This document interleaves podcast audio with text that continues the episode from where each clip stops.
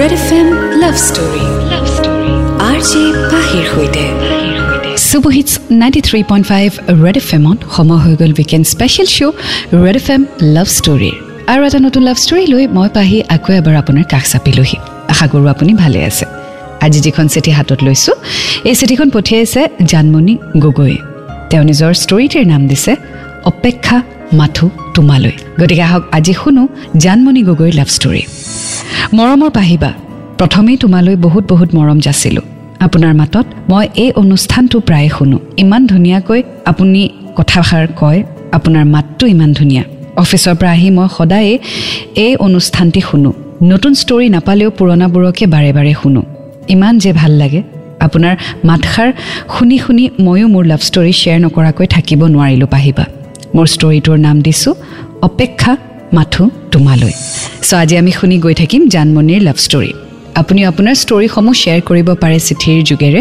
চ' ঠিকনাটি আপুনি ফেচবুকতো পাই যাব ইনষ্টাতো পাব। প্লাছ আপোনাৰ বয়স ওঠৰ বছৰতকৈ বেছি হ'ব লাগিব। কোনো ধৰণৰ যাতে ভায়লেঞ্চ নাথাকে সেইটো মন কৰিব। আৰু যাতে ছ'চিয়েলি একচেপ্টেবল হয় সেইটো মন কৰিব। চ' চিঠিসমূহ পঠিয়াই থাকক আৰু আজিৰ ষ্টৰীৰ বাবে শুনি থাকক। বজাতে Red F M love story R J পাহিৰ সৈতে। Welcome back to the show' Red F M love story মই আছোঁ আপোনাৰ সৈতে পাহি। শুনি আছোঁ আজি জানমণিৰ লাভ ষ্টৰী অপেক্ষা মাথো তোমালৈ। আগলৈ তেওঁ লিখিছে পাহিবা মোৰ নাম জানমণি। মোৰ ঘৰ ডিব্ৰুগড়ত।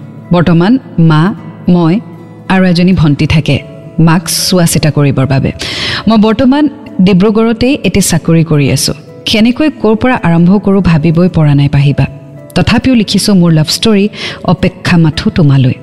সেইদিনা আছিল দুহেজাৰ ওঠৰ চনৰ আঠ মে' মোৰ ফেচবুকত এটি ফ্ৰেণ্ড ৰিকুৱেষ্ট আহিছিল। ভাৰতীয় সেনাৰ পোছাক পৰিধান কৰি মুখত এটি মিচিকীয়া হাঁহি মাৰি থকা সেই ল'ৰাজনৰ পৰা। একচেপ্ট কৰোঁ নকৰোঁকৈয়ে দিনটো তেনেকৈ পাৰ হ'ল। ৱেল এটা কথা মন কৰিছোঁ আজিকালি প্ৰায় লাভ ষ্টৰী ফেচবুকৰ জৰিয়তে আৰম্ভ হয় which is not bad it's okay কিন্তু ছ'চিয়েল মিডিয়াত পুতুককৈ কাৰোবাক ট্ৰাষ্ট কৰি নল'ব। কাৰণ ছ'চিয়েল মিডিয়া এনেকুৱা এটা প্লেটফৰ্ম য'ত আমি যিটো দেখুৱাব বিচাৰোঁ সেইটোহে দেখুৱাওঁ। আমি সঁচাটো দেখুৱাবলৈ চেষ্টা নকৰোঁ। মানে যিটো আমাৰ ভাল লাগে সেইটোহে আমি পষ্ট কৰোঁ। আনৰ ভাল লগাবলৈ নহয়। গতিকে সেই ক্ষেত্ৰত আপুনি একদম সাৱধান হ'ব লাগিব যে যাৰ লগত আপুনি কথা পাতি আছে সেই ব্যক্তিজন সঁচা হয় নে মিছা? কেনেকুৱা চৰিত্ৰৰ ক'ত ঘৰ একচুৱেলি তেওঁ কি হয় কোন হয় তেনেকৈ নজনাকৈ আপুনি ঘপককৈ মানুহ এজনক ট্ৰাষ্ট নকৰিব। আৰু জানিবলৈ ডেফিনেটলি আপুনি সময় ল'বই লাগিব। So' please do take your own time আগুৱাই গৈ থাকিম আজি ষ্টৰীৰ সৈতে এণ্ড ৰেড এফ এম বাজাতে ৰহো Red F M love story love story R J পাহিৰ সৈতে। Superhits ninety three point five Red F এমত মই আছোঁ আপোনাৰ সৈতে পাহি।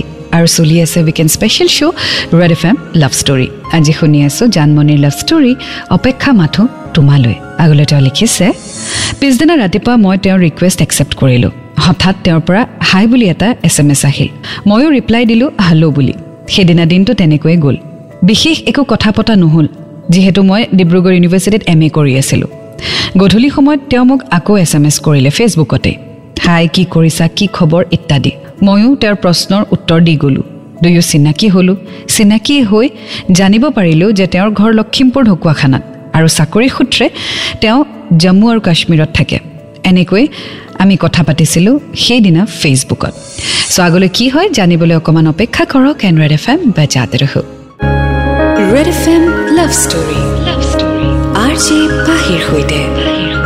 ৱেলকাম বেক শ্ব' চলি আছে weekend special Red F M love story মই আছোঁ আপোনাৰ সৈতে পাহি। শুনি আছোঁ আজি জানমণি গগৈৰ ষ্টৰী অপেক্ষা মাথো তোমালৈ।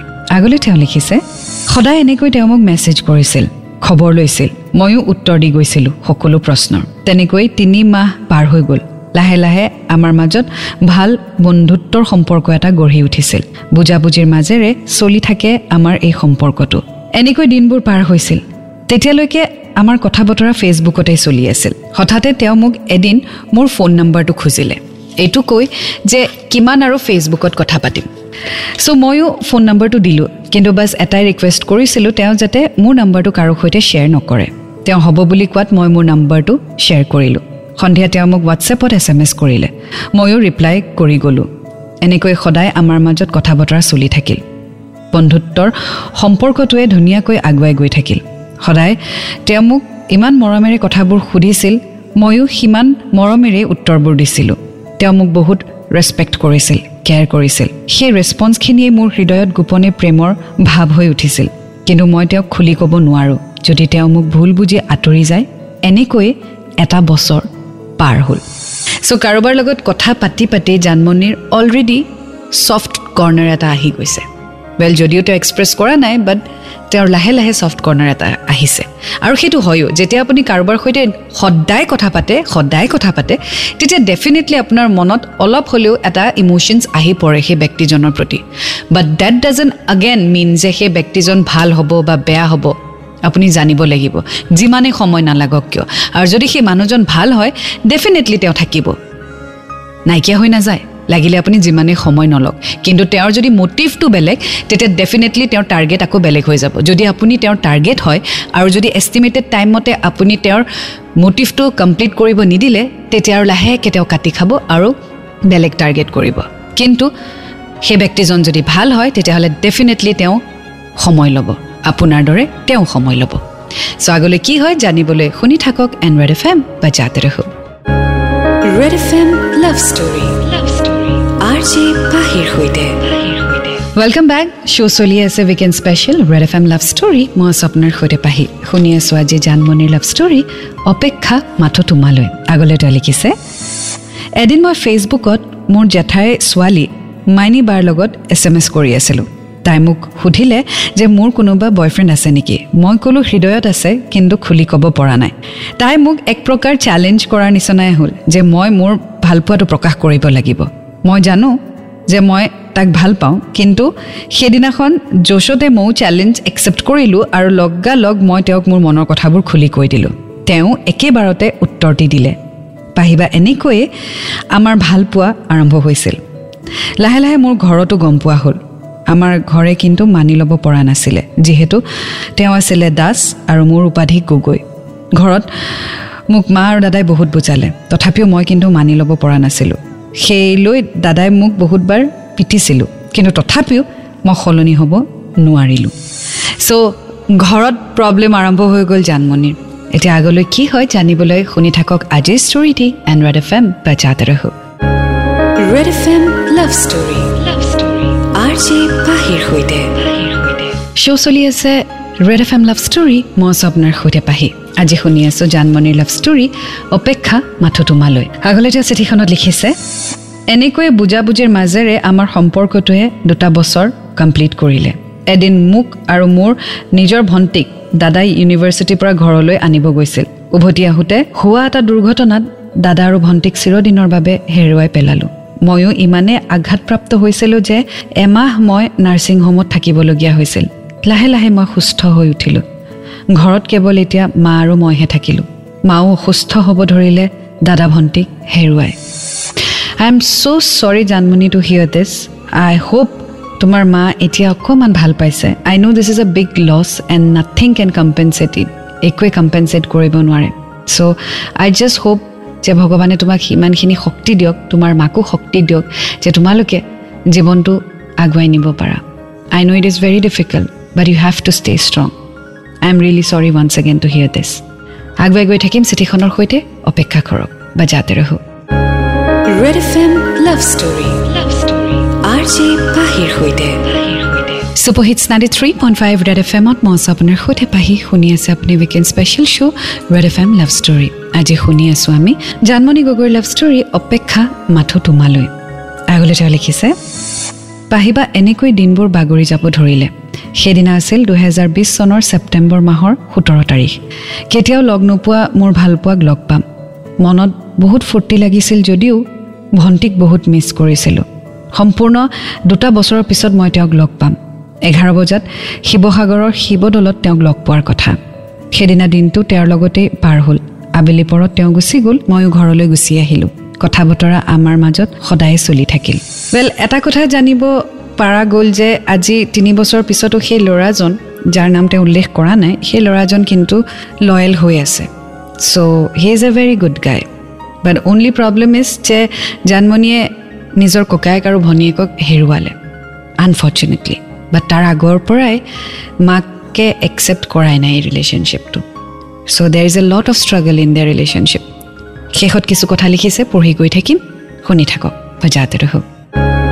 Red F M love story love story R J পাহিৰ সৈতে Super Hits 93.5 Red FM on মই আপোনাৰ সুধে Pahi and welcome back to weekend special show' Red F M love story আজি শুনি আছোঁ জানমণিৰ ষ্টৰী অপেক্ষা মাথো তোমালৈ। শেষত চিঠিখনত লিখিছে পাহিবা সেইদিনা আছিল দুহেজাৰ একৈছ চনৰ এপ্ৰিল মাহৰ বিছ তাৰিখ। মাইনাৰ ট্ৰান্সফাৰ হ'ল শোণিতপুৰ জিলাৰ মিছামাৰী কেম্পত। আমি প্ৰায়ে লগ হওঁ দুয়োজনে। কিন্তু মই কেতিয়াও ঘৰৰ সন্মতি নোহোৱাকৈ মাক অকলে এৰি পলাই গুচি যোৱা সিদ্ধান্তটো ল'ব নোৱাৰোঁ। মই কি কৰিম কি নকৰিম ভাবিবই পৰা নাই পাহিবা। এফালে মোৰ ৰোগীয়া অকলশৰীয়া মা আৰু আনফালে মোৰ চাৰি বছৰীয়া প্ৰেম যিয়ে মোৰ বাবে আজিও অপেক্ষা কৰি আছে। মই কাক এৰিম কাক ধৰিম একো ডিচিশ্যন ল'ব পৰা নাই পাহিবা। ময়ো অপেক্ষা কৰি আছোঁ সময়লৈ। সময়ে যি বাট দেখুৱাব সেই বাটে আগুৱাব লাগিব। যদি ভৱিষ্যত তেওঁৰ লগত আছে নিশ্চয় মিলন হ'ব। ইয়াকে আশা কৰি বুকুত হেঁপাহ লৈ মাথো অপেক্ষাৰে বাট চাইছোঁ। মই কি কৰা উচিত আপুনিয়ে কওকচোন পাহিবা? আপোনাৰ এই উত্তৰটিলৈ মই বাট চাই ৰ'ম। ইটি Janmoni Gogoi.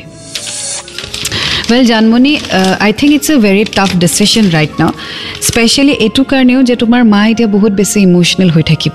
কাৰণ তেওঁ নিজৰ দুয়োটাকৈ সন্তানক হেৰুৱাইছে। গতিকে ডেফিনেটলি তেওঁক এতিয়া কিবা কোৱাটো উচিতো নহ'ব। কিন্তু wait for the time time এইটোৰ কাৰণে কাৰণ ল'ৰাজন বেয়া নহয়। এণ্ড আল্টিমেটলি তোমাৰ সুখটোৱে মায়ে বিচাৰিব। চ' তুমি তোমাৰ পঢ়াটো কমপ্লিট কৰি লোৱা তুমিও চাকৰি কৰা আৰু তাৰপিছত এদিন তেওঁক যাক তুমি মাইনা বুলি সম্বোধন কৰিছা তেওঁক এদিন ঘৰলৈ লৈ আহিবা। মাৰ লগত চিনাকি কৰোৱা। এইটো বুলি নহয় যে তুমি তেওঁৰ লগত বিয়াত বহিবা বা তেওঁৱেই তোমাৰ future generally as a friend বুলি তেওঁক চিনাকি কৰোৱা। প্ৰথমতে মায়ে তেওঁক জানিতো লওক বুজিতো লওক এবাৰ দেখাটো পাওক যে ল'ৰাজন কোন হয় কি হয় কেনেকুৱা হয়। যেতিয়া গম পাব যে ল'ৰাজন ভাল ভদ্ৰ নম্ৰ আৰু তোমাৰ লগত তেওঁৰ ফিউচাৰটো ব্ৰাইট বা ভাল বা তুমি সুখীত থাকিব পাৰিবা তেতিয়া তোমাৰ মায়ে হয়তো আপত্তি নকৰিব। কিন্তু ইমিডিয়েটলি তেওঁক আৰু এটা শ্বক নিদিবা অলৰেডি তেওঁ শ্বকত আছে। চ' শ্ল'লি ষ্টেডিলি লাহে লাহে তেওঁক ঘৰলৈ আনিবলৈ চেষ্টা কৰা লগ পোৱা কথা বতৰা পাতিবলৈ দিয়া সময়বোৰ যাবলৈ দিয়া আৰু তাৰপিছত তোমাৰ মায়ে ডেফিনেটলি একচেপ্ট কৰিব। I wish you all the best and may you have a successful love life ahead so' এয়া আছিলে আজিৰ ষ্টৰী অপেক্ষা মাথো তোমালৈ। এতিয়া মই পাহিয়ে বিদায় লৈছোঁ। এটা নতুন ষ্টৰীৰ সৈতে আকৌ লগ পাম। Until then, to fall in love, it's a great feeling. You will get to learn a lot. And always remember, I love you. And Red FM, raho.